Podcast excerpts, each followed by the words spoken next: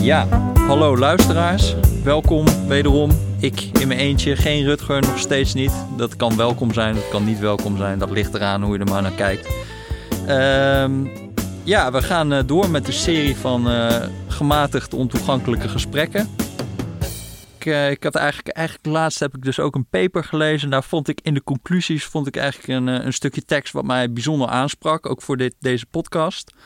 Nou, het paper had, ja, ik weet niet eens meer waar het over ging. Maar de conclusie was: uh, We have not succeeded in answering all our problems. The answers we have found only serve to raise a whole new set of questions. In some ways, we feel we are as confused as ever, but we believe we are confused on a higher level and about more important things. Nou, dat is iets wat je op een grafsteen kan zetten, geloof ik. Gewoon uh, confused on a higher level. Uh, maar dat is misschien ook wel een leuk, uh, leuk thema voor deze podcast. Dat we toch gewoon proberen om uh, verward te raken op een hoger niveau. Ja. En daarvoor hebben we dit keer uitgenodigd Rick van der Ploeg. je bent, ben je econoom dus? Niet hè? Dat, je hebt het nou, niet ik ben, ik, ik ben wel economie hoogleraar. Maar ik, ik ben de achtergrond dus natuur en wiskunde. Ja. En mijn proefschrift was eigenlijk in mede-regeltechniek. Nou ja, en je bent ook nog politicus geweest, hè? Of een blauwe ja, maandag. Ja, nou, toch wel, toch wel acht jaar. En misschien nog één of twee jaar daarvoor. Met, met ja, Kamerlid. Campagne, campagne, ja, vier jaar Kamerlid. Vier en vijf jaar staatssecretaris.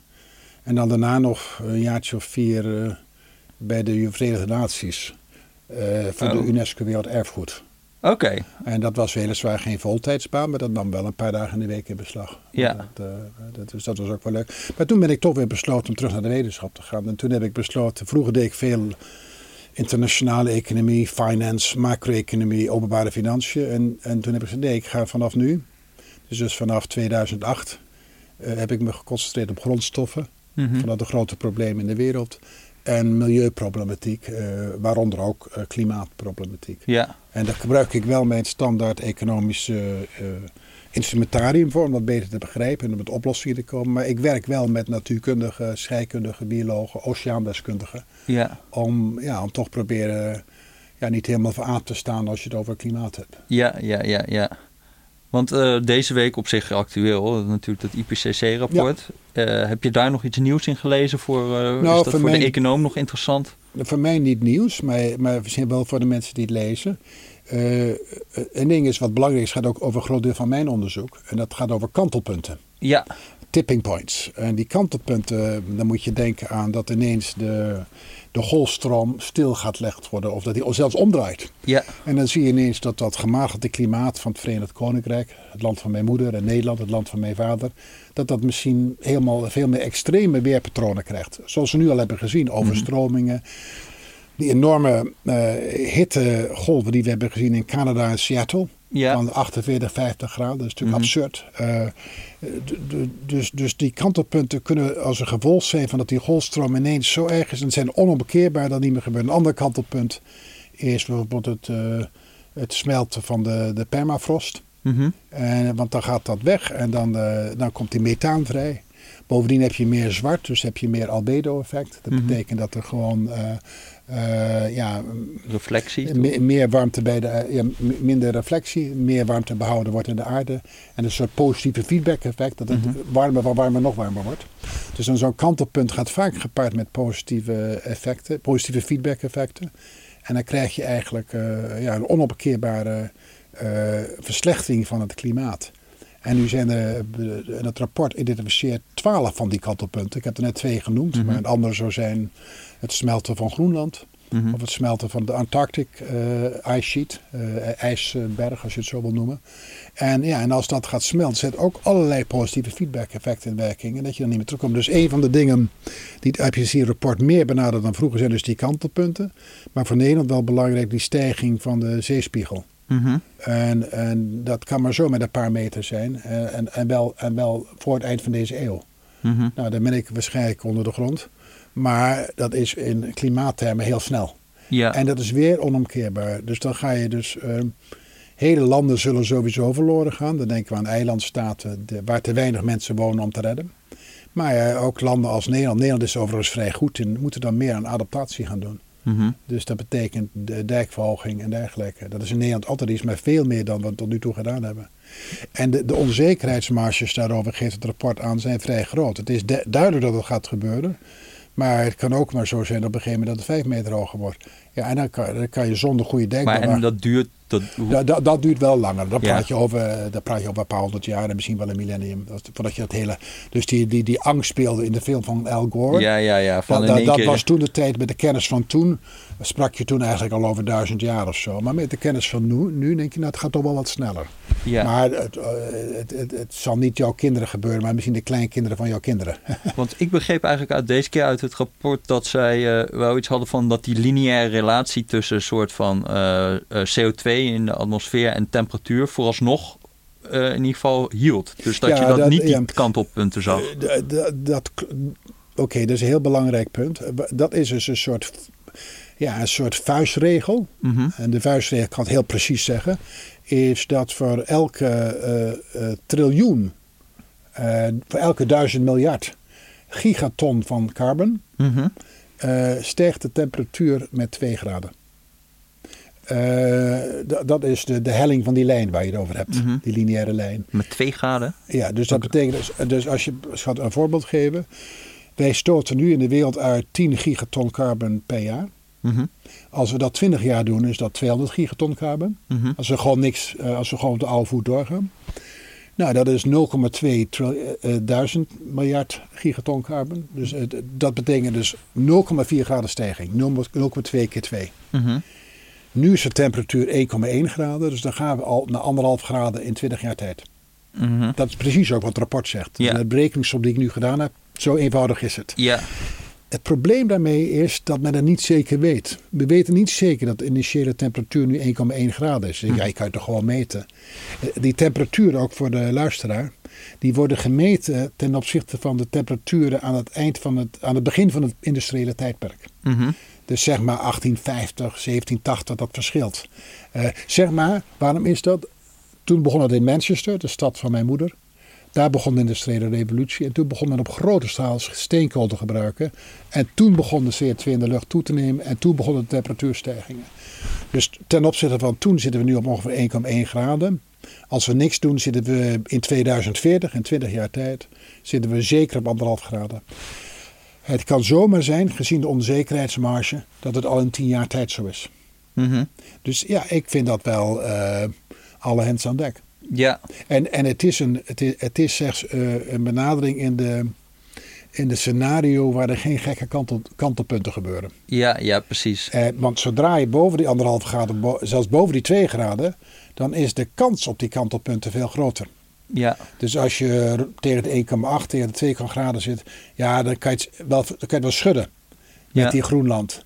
En dan gaat dat smelten, de zeespiegel gaat stijgen. Maar je hebt ook al dat witte spul niet meer, wat de, wat de hitte reflecteert. Je krijgt dan zwarte rotsen. Mhm. Dan krijg je dat albedo-effect weer. En dan krijg je nog sterkere opwarming van de aarde. En dan krijg je dus die versnelling van de opwarming van de aarde. Ja. En daar zou men bang voor is. En alle wetenschappers, die wijzen er eigenlijk op, vermijd nou die kantelpunten. Eh, ik heb ze al het noemen, die, die, die, die ijsbergen. Maar je hebt een heel, een heel aantal andere ook. Waarvan de kans dat ze gebeuren, in werking gezet worden, onopbekeerbaar in werking gezet worden, stijgt met elke, elke, elke graad stijging van de temperatuur. Elke halve graad stijging van de temperatuur. En daarom zegt men eigenlijk, we moeten gewoon in de wereld eigenlijk niet naar 2 graden. Moet zeker, 2 ander, twee graden was al een politiek compromis. Men weet dat het anderhalf graden moest, het was, want anders gaan die eilandstaten gewoon naar de knoppen. Eh, maar ik denk dat het al heel moeilijk wordt om die anderhalf graad, omdat dat we dat redden. Mhm. Want er zit zoveel ehm, investeringen zijn gepleegd, gebaseerd op eh, steenkool, gas en olie. Dat een hele hoop van die investeringen, bijvoorbeeld al die kolencentrales, maar ook een hoop staalfabrieken, eh, cementfabrieken, moeten gewoon afgeschreven worden. Ja. En dat betekent gewoon keihard, eh, keihard assets afschrijven. Mhm. Dat betekent dus dat als je een investeerder bent en je houdt die assets, dat je dan ja, dat je gewoon geld kwijt bent. Ja. Eh, dat is wat het betekent. En dat, dat is wat we in de literatuur noemen, over dus iets waar ik zelf vreemd mee bezig heb gehouden. Dat, dat is het fenomeen van stranded assets. Mhm. Dat, dat we denken dat het allemaal oké is, omdat die regeringen zo eh, slappe knieën hebben. En Nederland voorop. eh, dat die omslag niet gaat komen. Maar en de langer je wacht met die omslag, de duurder het wordt. En, en de meer rotzooi je hebt veroorzaakt, de moeilijker het wordt. Ja. Maar het gaat komen omdat je kan een aarde niet naar de knoppen laten gaan. En daarom geeft dit rapport toch wel op een aantrekkelijke wijze aan, eh, op een hele goede gedocumenteerde wijze aan, ja, dat het wel, ja, het is lullig om te zeggen het is 1 voor 12, maar daar komt het wel op neer. Mhm. Ik denk dat als je ehm, bij klimaateconomie kijkt, hè, dan is het praktische doel vaak is dan om een soort van eh, prijs voor de, eh, erop te plakken. Hè? Van wat, wat, wat moeten we dan, hoe moeten we dat dan beprijzen, die koolstofdioxide? De- En eh, ja, die, dat is in principe één, één cijfer. Maar op de weg daar naartoe moet je echt een gigantische hoeveelheid dingen weten, eigenlijk. Ja, nou ja, als je het, op de, zoals de economen doen, die Ja, hebben dan iets, eh, hebben, de, hebben eens gehoord van, van Pigou. En Ja. dat, dan is het een soort extern effect. En wat je dan doet, dat heb ik ook eh, heel vaak gedaan. dat zijn kosten die je bij iemand anders over de schutting gooit. Eigenlijk. precies. En daar moet je dan, maar die kosten komen vaak 10, 20, 50, 100 jaar later. Ja, Dus je moet daar de contante waarde van nemen. ja, En dat, heet, dat, die Pigouviaanse prijs, dat heet ook wel de social cost of carbon. juist. Het eerste wat eh, Biden deed, is vroeg aan de klimaatmensen, de economen, reken die cost of carbon nog eens voor me uit. Ja, Eh, omdat daar veel onzekerheid over is. Maar ja, waar we nu op uitkomen is dat dat ding dat moet dan zal ongeveer 100, 150, 150, 120 euro per ton CO2 zijn. Zo drie keer zo hoog als hij nu in de markt doet. Mhm. En die zal dan ongeveer moeten stijgen in reële termen. Dus je moet dan nog corrigeren van inflatie met zeg, de groeivoet van de economie. Zegt, zegt 2% per jaar. ja, En eh, dat hebben we bij lange na niet. Eh, Zweden heeft het. En er moet dezelfde prijs zijn over de hele wereld. ja, Want als je het niet doet, is het inefficiënt. Nou, maar je gaat natuurlijk in Europa beginnen. En het fijne van het Europese parlement, wat veel beter is dan de nationale parlementen, is dat ze nu een grensbelasting willen. Eh, dat betekent dat als je, de, je krijgt nu schreeuwen de staalfabrieken, de tuinbouw, en de cement, eh, die schreeuwen à la Shell, schreeuwen moord en brand. Als wij CO2 moeten betalen, ja. ja, dan wordt het gewoon geïmporteerd uit die vieze landen, uit India en zo. En dan hebben ze nog wel een beetje een punt ook nog. Is een punt ook. En daarom hebben zij altijd gratis rechten gekregen. Juist. Dus bij die vergunningsmarkten voor, de, voor, de, voor Europa hebben zij die permits, die vergunningen. Ja, die, die, die 40 euro per ton CO2 doen, hebben zij gratis gekregen. Grote gift aan de grootste vervuilers in Nederland. Ja, En de reden was dan altijd een argument was, ja, als je dat niet doet, dan wordt het toch maar, dan zit je ons om zeep te helpen, terwijl je toch, toch dan uit India of als, als China gaat importeren. Dus het antwoord daarop is een grensbelasting. Dat betekent dat je alles wat binnen Europa binnenkomt, meet je de CO2-content en zeg je luister, als u dat niet belast heeft gekregen, waar u vandaan komt, of het nou China is, of eh, waar dan ook, of Afrika of, of, of India, het verschil wordt, gaat u nu aan de grens betalen. Mhm. Dan heb je een level play, heb je een gelijk speelveld. Mhm. De, eh, maar ja, dat wordt uitvoerbaarheid is wel ingewikkeld, denk ik hoor. nou, we kunnen zo even Ja, terugkomen. maar- Maar, de- de- de- het grote probleem ehm, is ehm, dat de staalbedrijven en de cementbedrijven die nu die vergunningen gratis krijgen, die niet willen inleveren. Mhm. Ze zeggen ja, maar, dat zeg, maar dat- zodra je die grensbelasting hebt, zeg je natuurlijk staal en cement, die Ja, moeten ook gewoon betalen. Ze zeggen, Ja, nee, nee, nee, maar wij hebben ze altijd gratis gekregen. Nu willen we ze behouden. Ja, En dat is natuurlijk het be- Nee, ze moeten gewoon onder marge alles full betalen. De hele volle prijs van CO2. En ja, en die gratis rechten zijn ze ook kwijt. En, en, en die lobby's zijn sterk. Want ik heb al bij CDA en VVD gehoord, ook elders in Europa. Dat ze daar wel ooit. Ja, dat is wel erg verdrietig voor die bedrijven. Maar hé, hey, hallo, dat is gewoon. Dan zit je eigenlijk gewoon staatssteun te geven aan de goorste bedrijven, aan de zombies van het verleden. ja, en waarom? En, nou ja, er is geen enkele goede reden voor te bedenken. Nee. Uw tweede, uw, belang, uw punt van de uitvoerbaarheid is een belangrijk punt. Ehm, U? Ben ik nu u? eh, nou ja, voor jou. Ik eh, deftig, ik hoor. ben netjes opgevoed. Oké. Andere generatie. maar, het eerste punt is, dat die uitvoerbaarheid is natuurlijk van, kan het van de WTO, van Ja. de Wereldhandelsorganisatie. Eh, men dacht altijd van niet, maar als je de clausules goed leest, begrijp ik van de beste juristen dat het gewoon kan. En daar gaan nu ook het Europese parlement van uit. Ja. Tweede punt is, hoe meet je het? ja, precies. Dat En, eh, en het voorstel van de Euro, dat moet je dus een wat, wat eh, grove een, grove, een grove maatstaf gebruiken. En dat gaat dan vaak op het basis van het gewicht eh, van bepaalde materialen die in de geïmporteerde producten zitten. Dus als je een auto importeert, hoeveel staal zit erin? Mhm. En, en hoeveel CO2 is daarmee gepaard gegaan? Dus, dus, men, dus men probeert daar niet zo'n fijnmazige wijze te doen, maar een grove mazig. Die fijnmazigheid waar u op, die gebrek aan fijnmazigheid waar u op doelt, zal gebruikt worden als lobbyinstrument om het tegen te houden. Ja, precies. Net zoals in Nederland hebben we nooit rekeningrijden gehad. Omdat het, eh, ja, we kunnen nog niet fijnmazig elektronisch genoeg doen. Dat we op, wat eigenlijk moet de rekeningrijden moet verschillen per, per minuut van de dag. Per plek waar je zit. Dus dat moet allemaal puur perfect elektronisch gebeuren. Men heeft het altijd geprobeerd af te houden. Is natuurlijk onzin, want Ken Livingston een van de meest linkse burgemeesters van Londen, heeft gewoon zo'n zo'n belasting ingevoerd in, in Londen. Van 25 pond om naar Londen binnen te komen. Het werkt fantastisch. Ja. En het verkeer was toen met 40% gedaald. Uh, dus ja, het was niks, niks fijnmaas. Het was gewoon grof. Dus Ja. je kan altijd beginnen.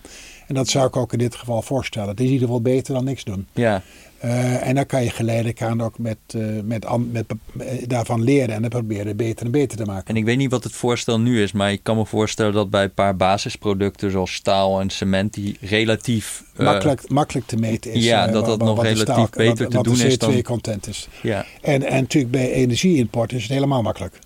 Ja, Uh, maar in ieder geval, je moet dus de, het hoofddoelstelling is dat je komt naar een gelijk speelveld met de rest van het buitenland. En, dan, leggen wij een, eigenlijk een belasting aan hun op ook. Ja. hè? Dus wel Ja. grensoverschrijdende belasting. Ja, en, dan. en je hebt dan weer inkomsten die naar, naar, de, naar, naar, naar de schatkist kunnen gaan. Waarmee je dan de mensen die er het meeste last van hebben, zoals vroeger de mijnen gesloten werden, kan je daar dan eh, compensatie doen. Dat moet je ook doen. En je kan ook compensatie doen voor de lagere inkomens. Heel Mhm. belangrijk. Eh, Een groot deel van mijn werk gaat over hoe je dan lage inkomens compenseert. Er is een hele beweging overigens op gang in andere landen en eh, wereldwijd voor een climate dividend. Je- Dat is eigenlijk van, nou geef dan de opbrengsten van die CO2-belastingen als een soort vaste som aan elke burger. Een Mhm. soort burgerdividend voor het klimaat. Dat is, eh ja, ben ik overigens niet op tegen, maar het, je moet ook een stukje gebruiken om de belastingen, te, de belasting op arbeid te verlichten. En maar, eh, je moet eigenlijk half-half doen ongeveer. ja. Want als je het allemaal doet voor een klimaatdividend, ja, dan gaan mensen lui worden. En dat is een soort basisinkomen waar ik overigens niet helemaal op tegen ben, maar dat is een ander verhaal. Maar als je de gemengde voert, dan heb je een soort goede balans. Dat je de werkgelegenheid behoudt, dat de belastinginkomsten niet wegschrompelen. eh, en dat je toch mensen compenseert die de laagste inkomens hebben. Dat je dus ook gewoon een politieke meerderheid kan behalen voor een CO2-belasting. Als je gewoon een CO2-belasting invoert zonder te compenseren, ja. dan, eh, haal je, dan zijn, als je dan gewoon kijkt naar eh, hoeveel mensen zijn slechter af, dan is eigenlijk iedereen slechter af. Als je wel compenseert, dan kun je er in ieder geval voor zorgen dat de onderste 60 70 procent beter af zijn. Want is er een contradictie tussen groen beleid en eh, een soort van rode voorkeuren? Dus stel, is GroenLinks Nou- een contradictie in terminus bijna? Nou, dat vind ik een hele goede vraag. De, e- e- één antwoord zou zijn dat eh, als je heel veel CO2 belast. Nou, laat ik het, zo, laat ik het heel, met een heel makkelijk voorbeeld geven. Je moet eigenlijk dingen belasten, zoals eh, de, de Franse minister zei, hoe heette die ook alweer? Comté, of heette die? En die zei dan altijd... Colbert. Colbert. En dan de, zodat de die kalkoenen slachten die het minste schreeuwen, die het minste kakelen. Mhm. Ja, die moet je dan eh, plukken. Ja. Dat was het, die moest je plukken. En degene die meeste lawaai maken, pluk je niet. Mhm. En zo is het met belastingen ook. Dus als de, die, die, die activiteiten die niet erg gevoelig zijn voor een verandering in de prijs of verandering in het loon, ja, die pak je. Dat heet het Ramsey-motief. Ja. Naar het Frank Ramsey, die op vroege leeftijd helaas overleden is. Maar briljante wiskundige was het. eh, was, was Biografie een soort, soort, soort superstar van John Maynard Keynes. Dus hij vond hem geweldig. En die op zijn vi- op 24e overleed hij. De hele wiskundegebied heeft opgezet. En eigenlijk ook de hele maakeconomie heeft opgezet. Dat is eigenlijk ongelooflijk. Mhm. eh, De ster van, het, van, van die jaren. Maar dat is het Ramsey-motief. Dat je, het motief dat je eigenlijk die, die, die activiteiten die het minst elastisch zijn voor de prijs. Die het minst van die prijs afhangen. Het zwaarst belast. Nou, dan pak nou naar vervuilende activiteiten. Als de mening is dat je ze kan belasten wat je wil. Maar ze blijven toch in die auto zitten Mhm. dan moet je het zwaar belasten. En dan kan je het geld gebruiken voor leuke dingen voor de mensen. Mhm. Voor rode, voor rode zaken. Mhm. Voor extra ziekenhuizen. Extra scholen. Extra fietspaden. Of wegen als je per se moet. Maar dat wringt weer met het milieu op. Ja, doelstelling, ja, ja. Dus dat doe je niet. Dus voor linkse doelen. Dus daar gaat het samen. Als echter het milieubeleid heel goed werkt. Dat betekent dat ze dus eh, niet meer in de auto gaan zitten. Gaan ze op de fiets of gaan ze wandelen. En dan ben je die bron van inkomsten kwijt. Ja. ja. Dan heb je geen red dividend. Dan heb je geen rood dividend. ja. Dan, want dan heb je gewoon minder inkomsten voor de leuke dingen voor de mensen. Dus het hangt dus eigenlijk af. Dus of het groene beleid is heel erg effectief, maar dan heb je eigenlijk geen geld voor de school Ja, en het ja, ziekenhuis. ja. Of het groene beleid is niet zo effectief, dan moet je toch nog steeds belasten. Want het is gewoon een heel efficiënte manier van belastingheffing. En dan kan je dat gebruiken voor de rode, voor, voor, voor de rode, rode doeleinden, zoals ziekenhuizen, scholen en dergelijke. ja, ja, ja. En we hopen de- eigenlijk op het de- eerste een beetje, toch? Nou ja, het is eigenlijk allebei. Hè. Dus in de korte termijn zijn een hoop van die activiteiten vrij onelastisch. Die zijn niet erg, eh, Ja. je krijgt ze niet uit Auto's die auto. zijn investeringen voor Maar naarmate de technologie voortschrijdt en door te belasten zal er enorme stimulans komen voor R&D, groene R&D, is het makkelijker om te substitueren. Dus, dus op de korte termijn is het het ene verhaal. Mhm. En op de langere termijn moet je doelstelling natuurlijk zijn dat je dadelijk geen, geen cent meer terugkrijgt van groene belasting, omdat Mhm. iedereen overgestapt is. Ja, Dat, ja. dat is natuurlijk het doel. Maar dat, dat, dat duurt, eh, ja, dat kan 10, 20 jaar duren. Nou, met die vaccins is het ons in één jaar gelukt ja. om over te stappen naar vaccins die gewoon werken. Nou, dat zou mooi zijn. Maar bij dat groene plan van de Europese Unie, wa- wat, eh, ja, ik, ik moet Frans Timmermans daar toch een compliment voor geven. Ja, niet, toch? niet omdat hij een partijgenoot is en niet omdat hij een vriend is, maar omdat hij gewoon daar enorm veel energie in, in stopt. Het is ook niet zijn ding. Hij is eigenlijk een, een, een talenexpert, hij is een polyglot. eh, meer een buitenlands exper- expert, maar hij brengt zijn hele politieke energie, zijn hele hebben en houden daarin. Is geweldig, zo'n man heb je nodig. Maar eh, één minpunt is, ik vond dat de Europese Unie, eh, dus op heel veel vlakken zeggen ze wat moet gebeuren. Het is een beetje top-down benadering. Dat moet toch uiteindelijk opgepikt worden door het bedrijfsleven, de burgers en de regeringen. Mhm. Maar de richting is goed. En ze moeten, hadden veel meer aandacht kunnen geven aan die technologie. Ja. Hoe je dat kunnen doen, dat is een minpunt. Maar, maar het, eh, eh, Want heb je- overwegen, heb je daar- overwegend een enorm compliment, moet ik Heb je daar ideeën over van? eh, het, je hebt soms ook wel eens dat je bij economie het idee hebt, ja, plakken gewoon een prijs op en dan, dan komt de rest wel Nou vanzelf. ja, of zit, dat- zit jij niet op die als je, school? als je een prijs erop plakt, dan gaan mensen dus minder van die eh, CO2-intensieve activiteiten gebruiken. Mhm. Men, je, je stimuleert de groene R&D, je, je stimuleert sequestratie. Dus dat je het afvangt Ja. en in de grond stopt. Zonder CO2-prijs is daar geen markt voor. Nee. Eh, en je stimuleert ook de oliesheiks om meer van de rotzooi in de grond te laten. Dus er zijn heel veel redenen waarom je de CO2 moet beprijzen. Hoezo? Maar eh, we hebben geen internationale prijs, toch? Dan? Nee, maar je, Dus Saudi Aramco, heeft die dan een prikkel om... die heeft juist eerder het omgekeerd, toch? Moet het zo snel mogelijk op... Ja, dat is die groene paradox waar, je, Ja. waar, waar ik veel over gewerkt heb. Het is dus zo dat als je dus een, een labbekakkerig beleid voert. ja. Dus politici, weet ik, want ik ben politicus geweest, die lijden aan twee ziektes. Ene is dat ze procrastineren, ze stellen alles uit. Mhm. En ten tweede is dat ze de wortel boven de, stok prefereren. Dus in plaats van een eh, belasting geven ze liever een subsidie. En Ja. ze stellen het liever uit met opvolger mag gaan doen. Dus dan Dus zeg- dat is eigenlijk dat we nu de hele tijd merken dat er steeds grotere doelstellingen worden ge- Ja. geponeerd, die dan vervolgens niet vertaald worden in concreet beleid. Dat Ja, is eigenlijk een kwaal van de afgelopen Ja, jaren die en we dan hebben krijg gezien. je dus die groene paradox-effecten. Dat al die mensen die, die, die steenkool, die olie en die gas, dat dat een business is. Dus pompen, pompen, pompen. Ja, zo Maar snel voordat, mogelijk. voordat, het, voordat, het echt, voordat ze wakker worden en het echt gaan doen. Maar, maar die, dat uitstel, uitstel maakt het duurder en het leidt tot die ongewenste effecten op korte termijn.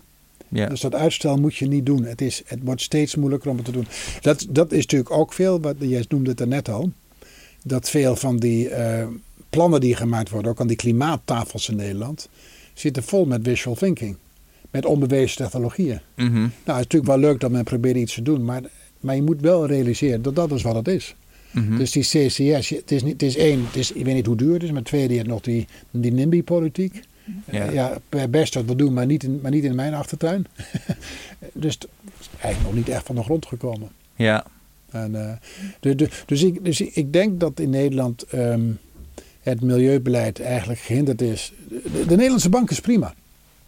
Die ziet het risico. De Europese Commissie is prima. Wat niet prima is, zijn het bedrijfsleven en de regeringen. En de regeringen die ze telkens achter het, voor het karretje van het bedrijfsleven wordt gespand. Ja, en heb je niet bij het bedrijfsleven ook gewoon eh, van ja, de, de, de- die doen ook niks, want er is geen businessmodel. Dus eh, je moet ook niet veel van daarvan verwachten van, eh, dat, dat we dan maar hopen dat daar een paar verlichte mensen op zitten. Ja, waar- waardoor zijn die mensen gemotiveerd? Kijk, Shell kan ik begrijpen, zolang ze nog die voorraden hebben. Die denken, ja, als de music is running, it's going, dan gaan we er gewoon mee door. Terwijl de muziek nog speelt, moeten Mhm. wij gewoon pompen, pompen en verkopen. Want dat is telkens weer elke is weer een dollar winst. Ja, Maar het moet, het moet duidelijk, het mogen duidelijk zijn, en veel sectoren beginnen dat te merken, eh, dat het business met omdraait. En wat je dus, misschien wel grappig om weer die kantelpunten te noemen.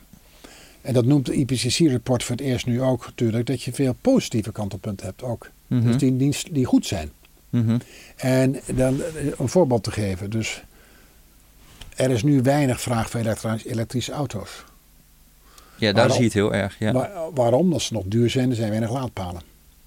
Dus stel je voor dat wij geven gewoon een enorme subsidie voor elektrische, elektrische auto's. En we vergeten even dat die subsidie vaak bij rijke mensen terechtkomt. Liever niet, maar stel. Uh, tijdelijk, hè? tijdelijk. Het is, het, maar voor een paar jaar. En dan krijgen ze, kopen ze die auto's. Maar ja, dan, dan worden de production runs worden groter. Mhm. De productieschaal wordt groter.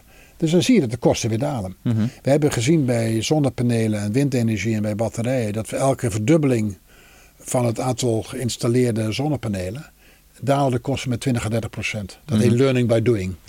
Eh, die marge tussen de 20 en 40 procent heb je voor batterijen, voor zonnepanelen, waar is al die technologieën. Mhm. Dus wat er dan gaat gebeuren, ook dus dan, dat dan die elektrische auto's goedkoper worden, als die schaal vergroot wordt. En dan stijgt de vraag naar elektrische auto's. Dan wordt het interessanter om meer van die laadpaalbedrijven op te zetten. En dan wordt het makkelijker om je auto op te laden. En dan krijg je een vliegwieleffect. In, Mhm. Wat we eigenlijk mee bezig zijn. Ik ben zelf bezig met een groot project met de Wereldbank daarover. Waar we allerlei eh, vliegwieleffecten proberen in werking te zetten. In zekere zin is Greta Thunberg natuurlijk ook een vliegwieleffect. Ja. Dus als je genoeg groene mensen ziet, eh, met name jongere mensen, en die zien dat die ook groen handelen, dan is het twee mogelijk. Als jij dus eh, een mevrouw op straat een propje ziet oprapen, zeg maar even een heel lullig voorbeeld, betekent dat nou, dan kan ik nou wel mijn propje op straat gooien, want Ja. ze raapt het toch op. Nou, je merkt het heel erg in Japan als je daar ooit eens bent geweest. Ja, daar is gewoon helemaal geen eens... Je kan niet eens vuilnisbakken daar in de buurt vinden. Ook, dat vind ik ook het rare. Maar er ligt niks op straat. Singapore idem.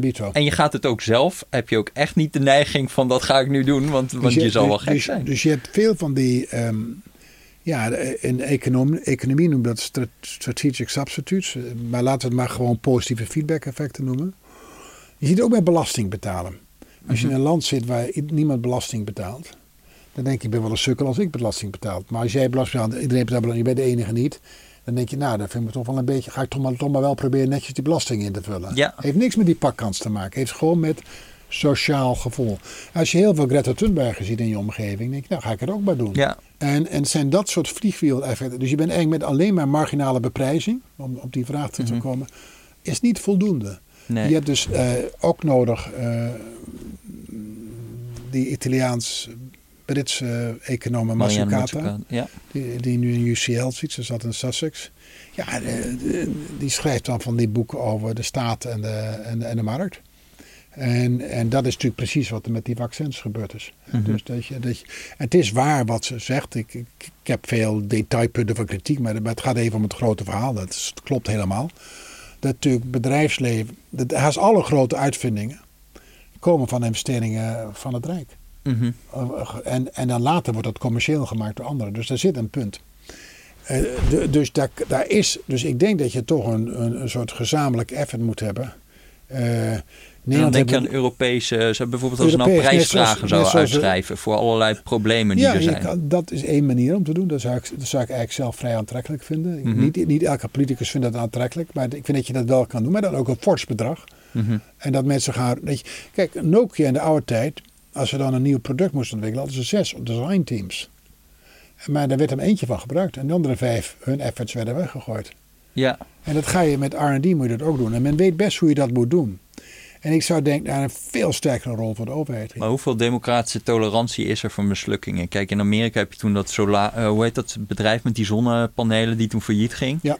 Nou, daar hebben die republikeinen zo jarenlang politiek van zitten maken. Van eh, kijk eens, de overheid kan er ook helemaal niks van.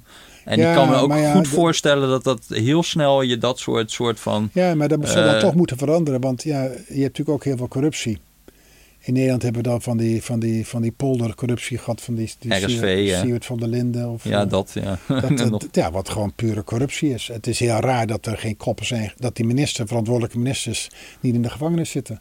nou, nou, nou, Nou ja, nou. iemand heeft, hem, heeft, heeft zo'n contract geschreven voor iemand. En iemand was daar verantwoordelijk voor. Ja, nou, ik denk, denk dat, dat daar zie ik Dat toch je, wat... mag, je mag die Siewert niet eens kwalijk nemen. Ja, het is natuurlijk een, niet, geen fatsoenlijke jongeman. Maar iemand heeft hem dat contract gegund. Ja, Dat is best gek. maar En- en die kijk, op een goed die- moment schreeuwde iedereen hier in Nederland... er moeten morgen al mondkapjes zijn. En ja, dat, ze dan, dat, dat dan die ambtenaren denken van... we kopen alles op. Ja, ja, maar- ja, ja, dat snap ik ook dat ze, ik, ik dus bedoel, dus, dus nou ik heb wel een zekere tolerantie voor. Maar als Je het- zegt als- net, ze moeten de gevangenis Maar in. ze moeten ook de gevangenis in. Als, als het, nou, waarom zeg ik in dit geval? Eh, het is natuurlijk geen open tender geweest. Eh, in het, Nee, ja, geval, wat de- in het geval, net zoals met David Cameron nu. Wat denk je, dat die kan toch niet in die crisis een open tender gaan doen? Nou, je kan wel zorgen dat je niet je vriendjes van je eigen politieke partij pakt. Dat is natuurlijk, je ja, kan wel zeker... dat die, dat, die, die keuze maakt. bij dit geval van, Anyway. van, van Siewert, dat was duidelijk een CDA. Hij meegeschreven aan het CDA-programma. Hij werd gepusht door allerlei CDA's. Dat is raar. Ja, Kan je ja, in ieder geval een tuurlijk, vraagstelling bij tuurlijk, ja. stellen. Dus, dus, maar, maar dat het snel moet gebeuren en dat er fouten gemaakt worden, dat is ook waar. Ja, en ehm, ik wil toch ook nog even iets over een soort van klimaatschade en hoe we daarover na moeten denken. Want ik heb daar, ik heb, ben daar ook steeds meer over gaan lezen en zo. En wat ik eigenlijk me ben gaan beseffen is dat, je, dat het heel erg rust op de verdeling. Dus niet zozeer op soort van de middenwaarde, maar het risico dat je een, Ja. gewoon een catastrofe krijgt. Dat het echt helemaal uit de klauwen loopt. ja, ja, in het Engels noemen we dat, eh, eh, ja, dat is tail risk. Tail risk, ja. Ja, dus de staartrisico. Het risico zit in een dikke staart. Het zit in de staarten van de verdelingen. Mhm. Eh, dus het gaat eigenlijk eh, met. Het is geen, normale verdelingen. Dus een normaal in de statistische zin, dat het symmetrisch is. Ja, Het is zijn, de, de, de, de- er, is een, er is een kleine kans op hele grote disasters. Ja. En de vraag is, hoe ga je daarmee om? Dus dat betekent dat de normale instrumentarium dat mensen gebruiken eh, om met onzekerheid op te gaan, niet, niet, niet, niet, niet nuttig is. Eh, het, het gaat niet alleen over risicomijden. Risicomijden, dat probeer je ook te doen, maar het gaat eigenlijk om prudentie. Mhm. Dus, dus, dus, dus eh, in het Engels noemen ze dat precautionary behavior. Mhm. Pre- voorzorgsmaatregelen. Een soort verzekering. Een verzekering. En dat is, dat is eigenlijk alleen dat je, dat je, je, je ongeluk dat je krijgt, het, het, het, het, het, het verlies dat je hebt in de welvaartstermen van zo'n negatieve schok, Mhm. veel en veel groter is dan het eventuele winst die je krijgt in van welvaart van een vergelijkbare positieve schok. Mhm. Dus er zit dus een asymmetrie in. En het is die asymmetrie die ertoe leidt. eh, ja, daar gaat eigenlijk mijn werk over. Dus, dus, dus, dus het is eigenlijk een toepassing van finance. Dat die cost of carbon, dat die carbon bepricing veel hoger moet zijn dan je anders zou denken. Dus veel modellen Ja. die men gebruikt. Die Want dat is heel erg die Noordhouse en zo, eh, die, de, de die Willem niet. die, hebben doen dat niet. Die, die hebben dus een Je ouderwetse hebt wel een. Nobelprijs gekregen, maar die hebben het eigenlijk niet begrepen. Die hebben verschillende dingen. Nou ja, dat, dat zou ik niet durven zeggen. Nou ja. Noordhuis is een hele knappe man. eh, Maar, maar wat ze dus niet goed doen, is die statistiek daarvan. Eh, die staartrisico's, die kleine risico's, hele grote kantelpunten, zeg maar. Mhm. Maar het is niet alleen kantelpunten, het is ook eh, positive feedbacks. Die, dat je die non-lineaire positieve feedback effecten meeneemt. Die, vlie, die, die vliegwieleffecten die heel nadelig kunnen uitpakken. Mhm. Zoals de albedo-effect en dergelijke. Dat zit niet in die gewone modellen die economen gebruiken. Ik denk dan met name aan DICE, dat is het model van William Nordhaus, een Mhm. Nobelprijswinnaar. Maar het zit ook niet in de modellen van eh, die Hollandse jonge Richard Toll. Ja, nou ja, Dat dat, is- dat altijd heel erg. Als je dat leest, dan denk je, nou, eh, weet ik veel, 4% BBP in tegen zoveel, dan het valt zijn- het allemaal en, mee. en al die schades die ze hebben, zijn natte vingerwerk. Ja, Die precies. zijn gebaseerd op het eh, eh, verzamelen van studies vaak uit de jaren 70. Je telt alles op en je doet Aleikum en dan heb je een plakje een getal op. Tegenwoordig is er heel goed werk. Dat heb ik zelf eh, niet gedaan. Dat, dat- is ook niet mijn vak. Maar ik lees dat wel en ik ben ermee bekend. Is het werk eh, in Berkeley van een jonge man die heet Solomon Hishang. Mhm. Solomon Hishang, ja, eigenlijk Joods en Chinees. En, en hij, is een, eh, hij heeft dan een Climate Impact Lab. En wat zij dus doen, en dat doen mij promovendi ook, eh, ik minder, maar ik probeer het wel te doen, is dat je de hele weer aardbol opsplitst in gebiedjes van kilometer bij kilometer of 100 kilometer bij 100 kilometer, maar een hele kleine, een hele kleine resolutie hebt. En dat je probeert de temperatuur op al van die gebieden te bekijken. Mhm. En dan gebruik je, dat combineer je met satellietdata. En, en misschien kan je je voorstellen dat als je naar satellietfoto's krijgt van Afrika, dan zie je dat het licht overal uit is. Mhm. Een beetje in Nairobi niet. In sommige steden niet. Dat is een hele goede proxy voor economische welvaart. Lichte Precies. intensiteit Ja, ja, vanuit de satelliet. Ja, en, en dat gebruik ik. En dan kan je dus ook op heel, op heel lokaal niveau kan je het zien. Hè? De-. Dus, als, dus dat, soort de- dat soort ongebruikelijke datasets van de satellietdata worden gebruikt met ongebruikelijke ja, geo, geospatial, georuimtelijke data voor de temperatuur en de effecten. Want je hebt natuurlijk heel vaak een microklimaat. Mhm. Uh, en dan wordt er, uh, wat de, de, die, die groep dus doet, dat zijn vaak papers die met 15 mensen schrijven. In Nederland hebben we niet zulke mensen die dat doen. Dat zit echt, dat zit echt daar in, in Amerika. En die, uh, en die weten dan de schadelijke effecten op dat lokale niveau, op die kleine celletjes Mm -hmm. van 10 bij 10 kilometer of 100 bij 100 of bij 1 bij 1 kilometer te berekenen. En dan schaal je dat allemaal op naar de wereld. Twee lessen. Het eerste wat je leert is dat de optimale temperatuur is 13 graden. Mm -hmm. Dus dat, als het te heet wordt, dan is het uh, niet goed voor de GDP. En als het te koud is, ook niet. Optimale temperatuur in januari of wat? Uh, nou, nee, maar nou ja, da, uh, anywhere. Ja, ja. Dus gewoon die 13 graden komt daar naar voren uit, uit hun werk. Maar wat belangrijk is, als je het allemaal optelt. En je probeert dan een soortzelfde index te krijgen voor de schade die ge gebruikt wordt in de modellen van Nordhaus of van Richard Toll en van anderen. Mm -hmm. Is een factor 50, 100 keer zo groot. Nou, Ja. Dat is interessant. Ja, En dan hebben ze niet eens gesproken over staartrisico's en tail risk. ja, ja, ja. maar, eh, maar dan, als je dat eens allemaal optelt en dan bij elkaar komt, dan is echt econometrisch, statistisch goed gemeten. Mhm. Iets wat ik serieus heb gemeten, een serieuze, niet eh vinger in de lucht. Dan kom je met een factor uit, of ja, v- eh, 50 keer zo hoog. Maar dat betekent dus dat de prijs die komt uit de modellen van eh, William Nordhaus, die zou zijn ongeveer 15 dollar per ton van CO2. Mhm. Drie keer zo laag als in Europa nu. ja. Eh, terwijl uit die modellen zou misschien wel een prijs van 800 dollar per ton CO2 komen. ja. Dus, dus dat betekent dat economen eigenlijk die schade, dat we nog over gebakken mijn- Maar dit, dit bedoel ik, jij zegt uit naar- 150. eh, Mijn voorkeur gaat uit naar dat recent, dat, omdat dat gedeelte, oké, ik kom daar dadelijk op, dadelijk, me één seconde. mhm. Mijn, mijn wetenschappelijke voorkeur gaat uit naar dat werk van Solomon Ishiang en zijn groep mensen. Omdat dat echt econometrisch met de beste statistische methodes en de beste data gedaan is. En, hoe, in Maar hoeverre dat is nog niet voldoende. Het is wel in Nature and Science gekomen, maar ja, daar moet gewoon nog meer werk over gedaan worden. Dus wat doet het IPCC? Nou, naar jouw vraag te komen. Mhm. Die zegt, ja, vergeet al die schadeposten, want die economen staan er zo over de ruzie, dat zal wel niks zijn. Dus wat wij doen, wij zeggen gewoon, boven de 2 graden, boven de anderhalve graden, is het onverantwoord. Mhm. Dus dan, en dan, en dan vraagt, en dan vraagt zo'n natuurkundige aan mij, hoe moet ik die prijs zetten om te zorgen dat ik nooit boven die anderhalve graad uitkom? Nou, dan zeg ik, oké, als je niet boven de anderhalve graad uit wil komen, dan mag je cumulatief nog 400 gigaton carbon uitstoten. Maximaal. Mhm. Dat kunnen we verdelen per land.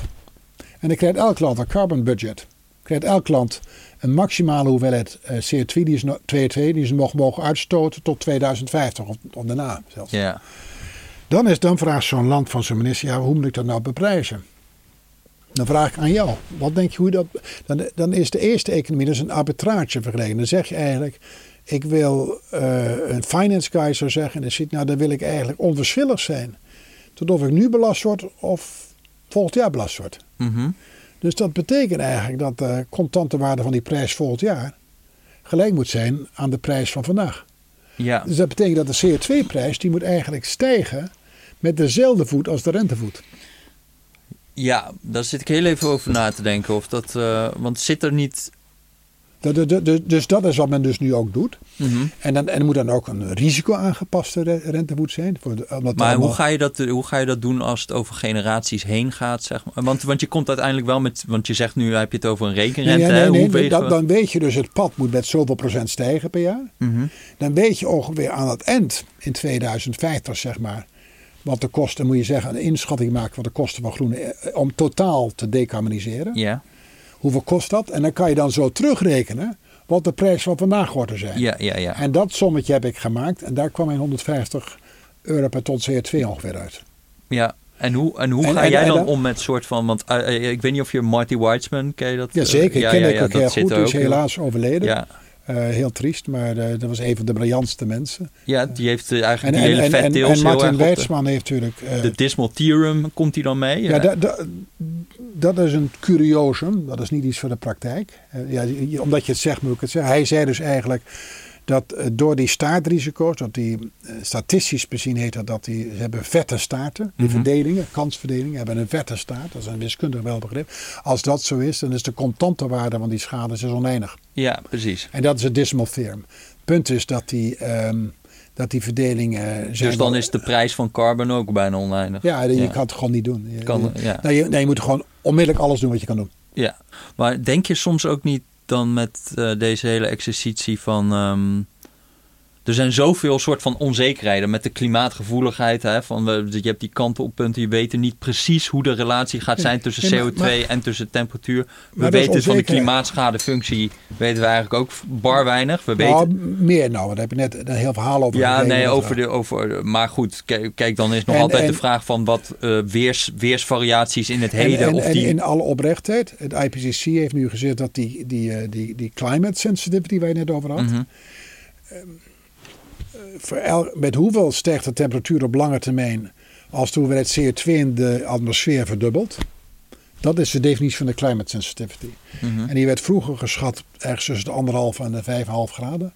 En nu zeggen ze vrij precies heel dicht bij 3. Ja. Dus die onzekerheid is een stuk. Of, dus die, worden, die is wel aan het afnemen langzaam. Ja, door onderzoek en door betere kennis van zaken is die minder geworden. ja. Eh, maar, maar zelfs als er ons. Het is heel goed mogelijk. eh ja, we moeten altijd beslissingen onder onzekerheid nemen. Dit is mijn vakgebied. Ja, dat snap ik. Maar en- het, is de- ook... dus, die, dus op zich is niet erg dat er onzekerheid is. Het is wel heel moeilijk om politici uit te leggen. Maar je hebt ook een verhaal van eh, Kenneth Arrow, die ken je vast ook. Econoom was ja, die, en die moest toen die tijdens... Is niet, die is er niet meer, maar, maar Die is al heel lang dood, volgens mij. Nou, niet zo, maar een aantal jaren. Ja. Ja, oké. Maar, maar die, heeft, eh, die moest in de Tweede Wereldoorlog moest hij weer, deed hij de weersvoorspellingen. Ja. En toen kwam hij er op een gegeven moment achter dat als het langer moest voorspellen dan een, een week of zo, dan kon je net zo goed een muntje opgooien, bij wijze van spreken, had helemaal geen zin. En hij probeerde dat duidelijk te maken aan zijn bazen. Van nou, Ja. dit, dit, dit- dit klopt allemaal helemaal niks van, je kunt het beter gewoon niet doen. Toen op een gegeven moment kreeg hij bericht terug en die, toen zei iemand van, eh, the general knows the forecasts are no good, but he needs them for planning purposes. Ja. Dus Ja, dat- soms dat- heb ik het idee, er wordt, moet gewoon een antwoord komen. En, Ja, en maar- of, maar, maar- maar maar- of de kwaliteit van dat antwoord nou, als jij zegt, er zijn mensen die zeggen het moet 900 zijn, er zijn mensen die zeggen dat.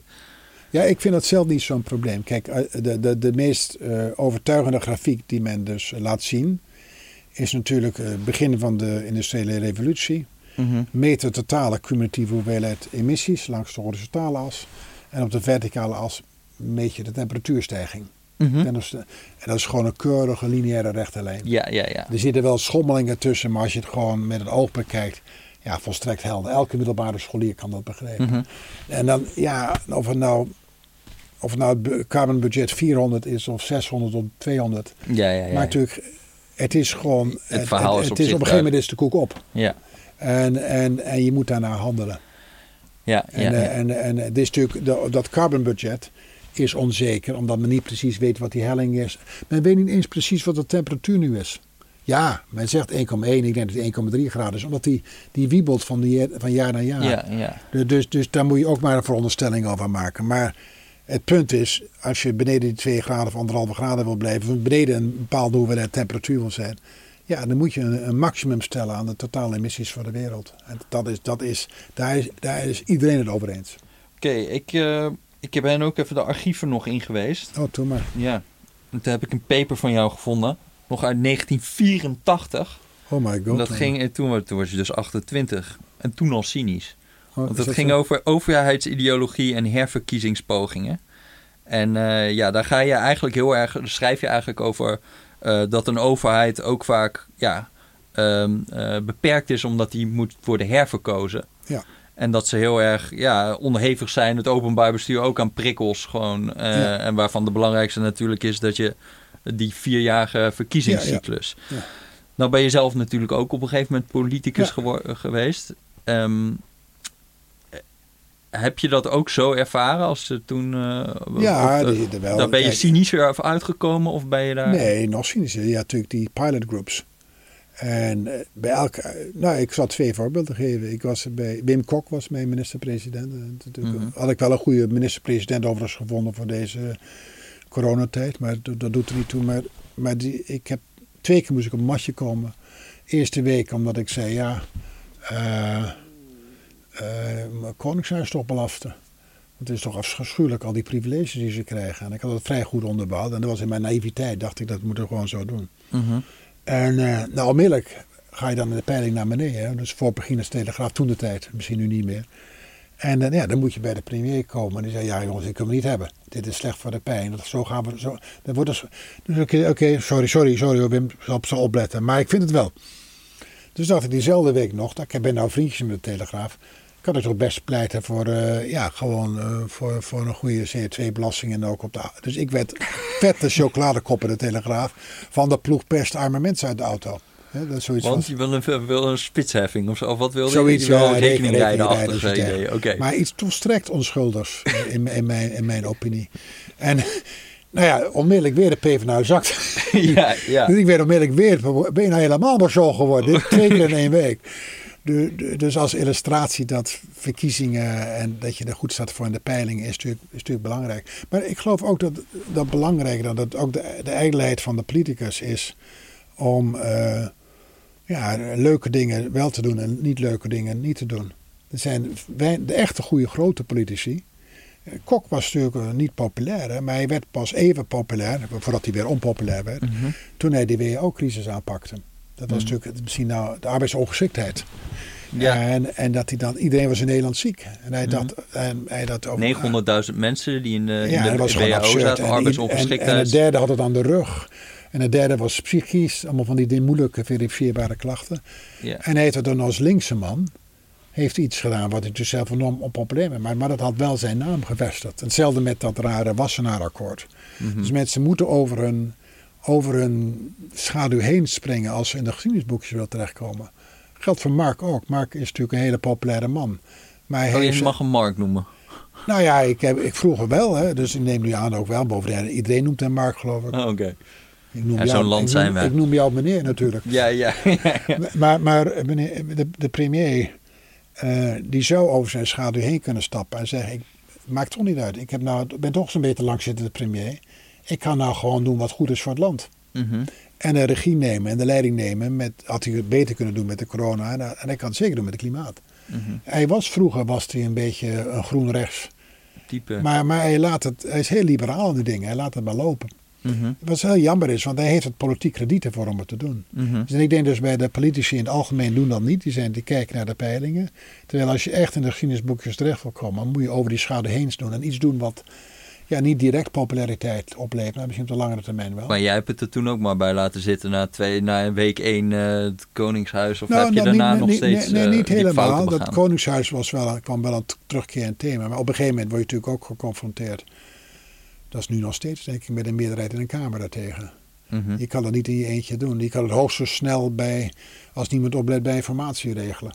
Mhm. En dan stukje, stukje bij stukje. Het klimaat is wel aan het veranderen nu, hè, voor het mhm. Koningshuis. Uh, het klimaat is ook aan het veranderen voor het milieu. Ik denk dat als, als Rutte ja. echt de leiding zou doen wat ze in Engeland doen. Want Engeland loopt gek genoeg, veel harder. En loopt de hemel op. Nederland loopt tien jaar achterop op Engeland.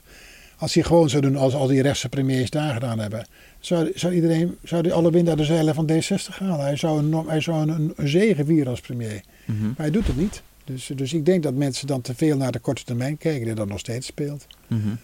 Ik zit daar wel eens als journalist over na te denken. Misschien dat je gewoon moet abstraheren van partijen en personen soms en wat meer over de prikkels moet nadenken als je politiek beschrijft. En dat er vaak gewoon ja, gemeenschappelijke patronen zijn die je ziet bijna ongeacht partij. En dat daar toch wat ja, veel. Nou ja, wij, wij, wij, in economie noemen we dat second best politics, second best economics. Mhm. Dan probeer je eigenlijk rekening te houden met de politieke randvoorwaarden, mm condities waaraan voldaan moet worden om iets gedaan te krijgen.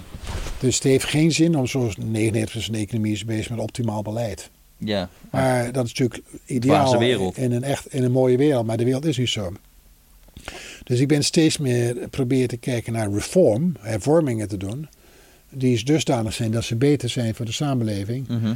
Zonder dat mensen er echt slechter af van worden. Dus je probeert naar, dat heet dan uh, Pareto Improving. Maar je probeert dus verbeteringen te krijgen. Dat in ieder geval degenen die aan de macht zijn, er niet uitgestemd worden. Mm en ten tweede dat er wel wat aan het milieu gedaan wordt. Dat is dus een ander, daar, zit ook op de teruglijsten van, uh, van de opbrengsten van CO2-belasting. Dus daar, daar natuurlijk een belangrijk element mhm. van. Maar je moet dus iets doen. Ja, bijvoorbeeld die, dat je soms moet bedrijven moet compenseren. Ook al weet dat eigenlijk helemaal niet. Mhm. Maar om het gewoon ja, om te get it across the line. Ja. Om een politieke meerderheid te krijgen. Is belangrijk. Het is een apart vak hoor. Dat, is het, dus het, dat heet dus een vak van politieke hervormingen, politieke economie. En dat is eigenlijk een enorm een van de belangrijke poten van moderne economie tegenwoordig. Is natuurlijk ook in Europa hebben we emissiehandel hè, in plaats Ja. van een, een CO2-belasting. hè. Er zijn twee manieren waarop je het kan doen. Je Ja, kan rechten twee- uitgeven of je kan een, een, een- gewoon zeggen.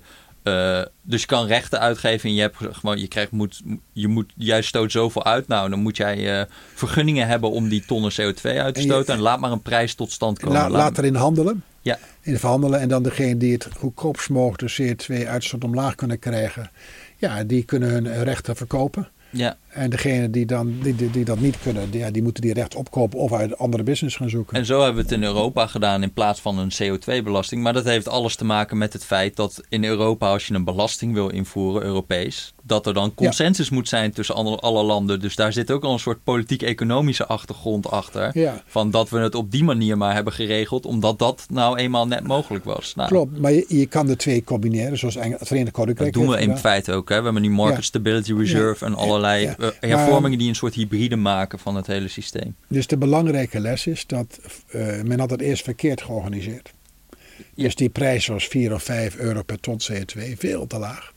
En toen heeft men gezegd, ah, we dus, eh, op een gegeven moment moet je dus die, wat jij net die Market Stability Reserve hebben, moet je dus iets hebben waardoor die rechten opgekocht worden weer een normale prijs tot stand komt. Dat is, dus het systeem Ja. is aangepast, we hebben het verbeterd en het begint nu pas een beetje te werken. De eerste jaren, eerste tien jaar, was het gewoon een mislukking eigenlijk. Ja, dat had dus. Het, het is ook heel erg omdat gewoon de financiële crisis kwam en ze haalden het Precies, wel. dat- Dus ze haalden de doelstellingen op zich wel, maar dat kwam gewoon omdat de productie werd toegeschroefd, weggeschroefd. En dan, ja, dan is de vraag: heb je wel een prik om te investeren Ja. in efficiëntie, wat we eigenlijk willen? Maar de hoofdboodschap is, je begint. Misschien is het nog niet helemaal perfect. En Ja. dan leer je ervan en dan maak je het beter. En, Ja. dat, dat is eigenlijk, dus, dus als inderdaad, eh, je kan zeggen, en ze hebben ook in het begin hebben ze alles, alle rechten gegeven via grandfathering.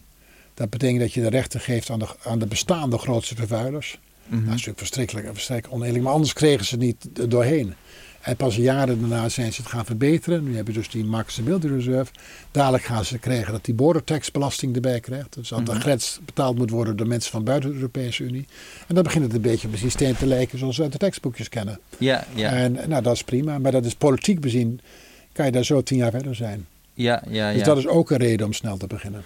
Ja, want ik heb, eh, ik heb vanmiddag nog dus ook een boekje van jou op de, op de kop weten tikken. In Ja, een antiquariaat. 3,75 euro was die maar. Weet Oh je dat? ja, Ja, ik denk ik- niet dat jij er nog wat aan overhoudt. Nee, maar ik had het je graag gegeven. want Ik heb er nog wel een paar liggen daar.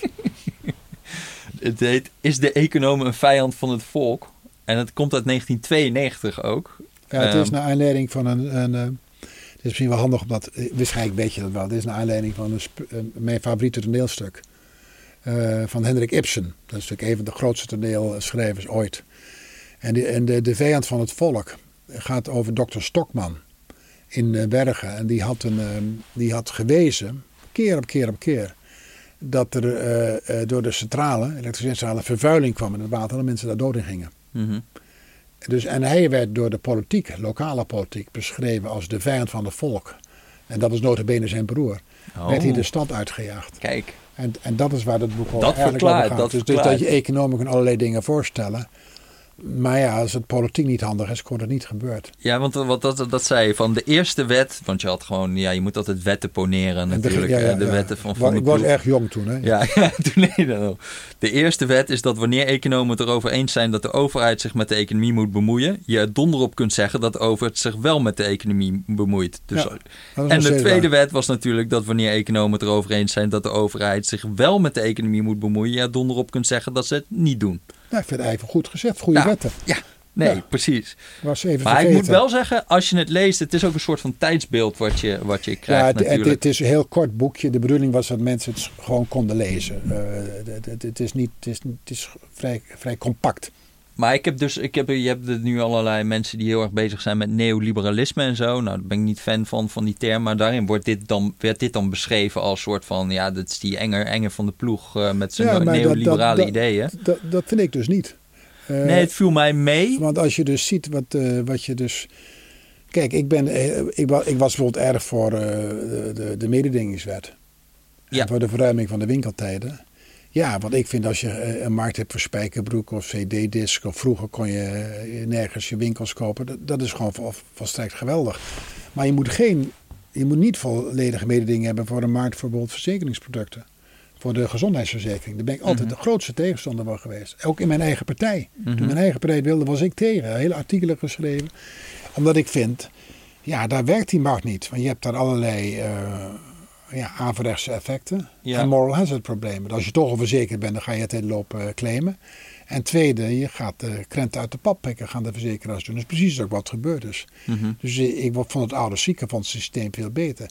Tweede ding is, eh, mijn grootste maat in de politiek is en was Adrie Duivenstein. Nou, Adrie Duivenstein is natuurlijk oude linkse politicus. Mhm. en, en wij hadden allemaal wetten gemaakt. Die zijn ook in uitvoering gekomen voor de, de, de, de, de, de Mhm. En, eh, ja, en, en die corporaties zijn toen overgeheveld, ook tegen onze wens in, eh, eh, ja, naar privaat geworden. En daar zijn de grootste schandalen gebeurd alle tijden. Want als je dat, het had gewoon ouderwetse woningbouwcorporatie moeten blijven. Dat kan je niet aan de markt overhevelen. En tegelijkertijd gingen die mensen gingen gelijk zichzelf enorme salaris betalen. werden corruptie. Nou, je, je kent alle gevallen Mhm. ervan.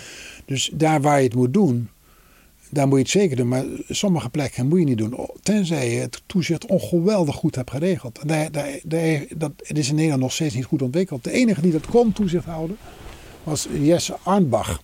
Volgens, mij- volgens Nooit mij had hij jou, jou- jouw naam. Ja, nou Arnbach, dat, en dat die voor- deed voorspelt veel goeds. Maar... Die deed de telecomautoriteit. En hij was in zijn Ah. eentje, heeft dus al die telecombedrijven eh, aangepakt en steeds verder die prijzen omlaag gekregen.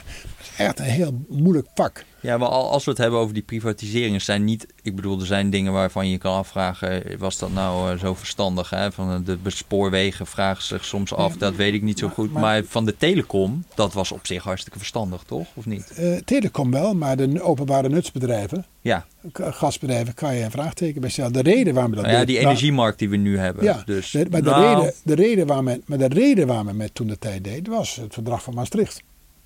Dus Gerrit Salm en de zijnen, die wilden dan dat Nederland voldeed aan die eisen. Van 3% tekort, 6% staatsschuldenquote. Dus het voor het geld. Ja, maar het was natuurlijk, het natuurlijk een belachelijke eh, redenering. Want denk als je niet in de activa en passiva. Niet in- Precies, ja. want als je zo'n bedrijf koopt, ja, dan is je balans ziet er wat beter uit misschien. Maar je krijgt niet meer die dividenden binnen. Ja. Dus het is eigenlijk, het is helemaal, je bent niet Nee, dat is sowieso volstrekt idioot dat we altijd zo op die... Of nou ja, nu is het eindelijk een beetje die hysterie weg. Maar over die staatsschuld. Waarom zou je alleen maar kijken naar de, zeg maar, de passiva kant van de balans? Wat staat er tegenover? Als we daar op de andere kant van de balans een bedrijf hebben wat heel veel waard is... Ja. en daar staat schuld tegenover, wat maakt het uit? Want netto Ja, kan het nul Ja, zijn. dat is mijn punt. Dus eh, ik, ook, ook door mijn, mijn aandringen, maar ook van anderen, publiceert de Nederlandse regering nu tegenwoordig ook een staatsbalans. Ja, Waar de beide kanten aan staan. Maar eh, je moet eerlijk zeggen, het is niet een belangrijk onderdeel van het politieke spel. Nog Nee. steeds niet. En niet alle activa en passiva staan erop. als je, dit, als je dat boekje van jou leest, hè, vandaar, daar, daar ruik je toch een beetje economisme in. Van dat je soms denkt ja, van... houdt het is dat door nou- een econoom geschreven. Ja, Dus- oké, maar kijk, er staan maar, ook maar, dingen maar in van... Bijvoorbeeld de kartelautoriteit. Je moet je dus voorstellen dat toen de tijd waren er enorme monopolies gaande. Hè? Nou, ik, En- weet, en- ik en- weet, want je had bij Economische Zaken lag gewoon een kartelregister. Ja. Waarin je gewoon je kartel kon aanmelden dus- bij de dus- overheid. Dus van dat nou, boekje werd een in het kartel. tijdsperk geschreven waar je woest kon maken over die kartels. Ja. Nu hebben we in Nederland nog steeds vaak kartels bij aanbestedingen. Mhm. Dat hoort dus niet te gebeuren. We hebben nog steeds kartels, ondanks een wet Cohen, waar eh, gemeenten of staatsbedrijven gewoon in de markt meedoen met een, on- met een oneerlijke voorsprong. Eh, Netbeheerders. de, dus, dus ook voor een socia- juist voor een sociaaldemocraat is een goed mededingingsbeleid hartstikke belangrijk. Maar dat is toen wel... Kijk, dat, dat wordt En dat- denk dat- ik dat- een beetje dat is precies onderschat in het hoor. boekje Van, beschreven staat. Dus mensen moeten het wel lezen. Maar dat is niet neoliberalisme. Is als je voor mededinging bent en eh, voor het bedrijfsleven bent. En dat je eigenlijk de, de zo, een nachtwaker staat. ja, maar, maar een voorbeeldje hè, wat, waar, je van, waar mensen denk ik dan wel eh, denken van... Jij was ook tegen algemeen bindend verklaren van cao's bijvoorbeeld. Ja, toen de tijd wel. En toen ja. zei je van, eh, wil je een centraal georganiseerde le- lethargische economie of een snelle dynamische markteconomie? De BV Nederland heeft sterk Stalinistische trekken, zei je over cao's. Ja, dat is nog steeds zo. Ja, oké, maar wat vind je daar nu van? van Nou, nou, nou, heel goed gezegd. ja, maar nee, maar je bent nog steeds tegen cao's. Nee, ik ben wel voor CEO's, maar het is wel zo dat als je meer. Eén, zijn de CEO's van vandaag niet meer de CEO's van toen de tijd. Mm. En die werden dus, je moet voorstellen dat er misschien 20% van de mensen hebben een CAO. En dan komt er een minister langs en die zegt die CAO's van die 20% gaan voor de hele sector gaan we, gaan we, eh, gaan we laten gelden. Mhm. Dat is nogal wat. Hè? dat is, eh, over vrijheden, impact van vrijheden gesproken. Het is eigenlijk erger geworden. Gewoon om even, toch even de advocaat van de duivel te spelen. Ehm, je wil links zijn, maar, maar wat is nu het grote probleem in Nederland? Dat we geen fatsoenlijke arbeid meer hebben. Ik, ben- ik heb mazzel, ik ben hoogleraar, ik krijg elke maand mijn salaris, ik betaal veel te veel. Mhm. Ehm, maar een hoop mensen hebben geen eh, vast salaris. Die zijn ZZP'er, heet dat mooi. Mhm. Maar dat zijn dus eigenlijk vaak gewoon toch, toch ja, eigenlijk eh, uitbuiting. Mhm. In, in, in de journalistiek Ja, zeker. Vaak van de fiscus ook, hè? Van de fiscus ook. Maar ook dat de politiek zorgt niet voor de ZZP'ers. Nee. En, en, en, en die, die cao's, die gaan eigenlijk vooral op de traditionele vormen van arbeid. Mhm. Eh, dus ik vind dat nog steeds een punt om te bespreken. Ik ben wel een groot voorstander van vakbonden overigens. Maar algemeen verbinden, je moet er wel heel goed over nadenken wat je daar doet. Mhm. Zeker als er een hele grote partij, en zeker een groeiende groep van mensen, gewoon dadelijk eh, met pensioen gaat zonder een goed pensioen, zonder goede verzekeringen. De, de grootste tweedeling in Nederland is nu tussen ZZP'ers en mensen met een normale goede vaste baan. Mhm. Maar Ja, je zou jij- er dan niet zijn van, doe die flexwerkers ook onder een CAO? Nou, Want dat- zou- want misschien kan je zou- zeggen dat het niet Stalinistisch ik zeg, genoeg ik zeg is. Dat, ik zeg dat ik daar niet, ik zeg niet dat ik daar tegen ben. Mhm. Dat zou kunnen. Ik zou in ieder geval vinden dat je, kijk, toen eh Ad Melkert minister van Sociale Zaken was, had hij een wet gemaakt voor uitzendarbeid. En als je dan drie of vier keer uitgezonden was, moest je in vaste dienst bij het uitzendbureau. Weet je nog? Ja, ja, ja, ja. ja. Ja, daar kon ik ook in winnen. Maar dan heb je, ik ben eigenlijk alleen als ik over Toen had je allemaal koppelbazen en een soort zwartwerk. eh, Heel Daarvoor, veel, ja. ja. Maar je wil eigenlijk, eigenlijk, het enige wat ik altijd wil is een gelijk speelveld.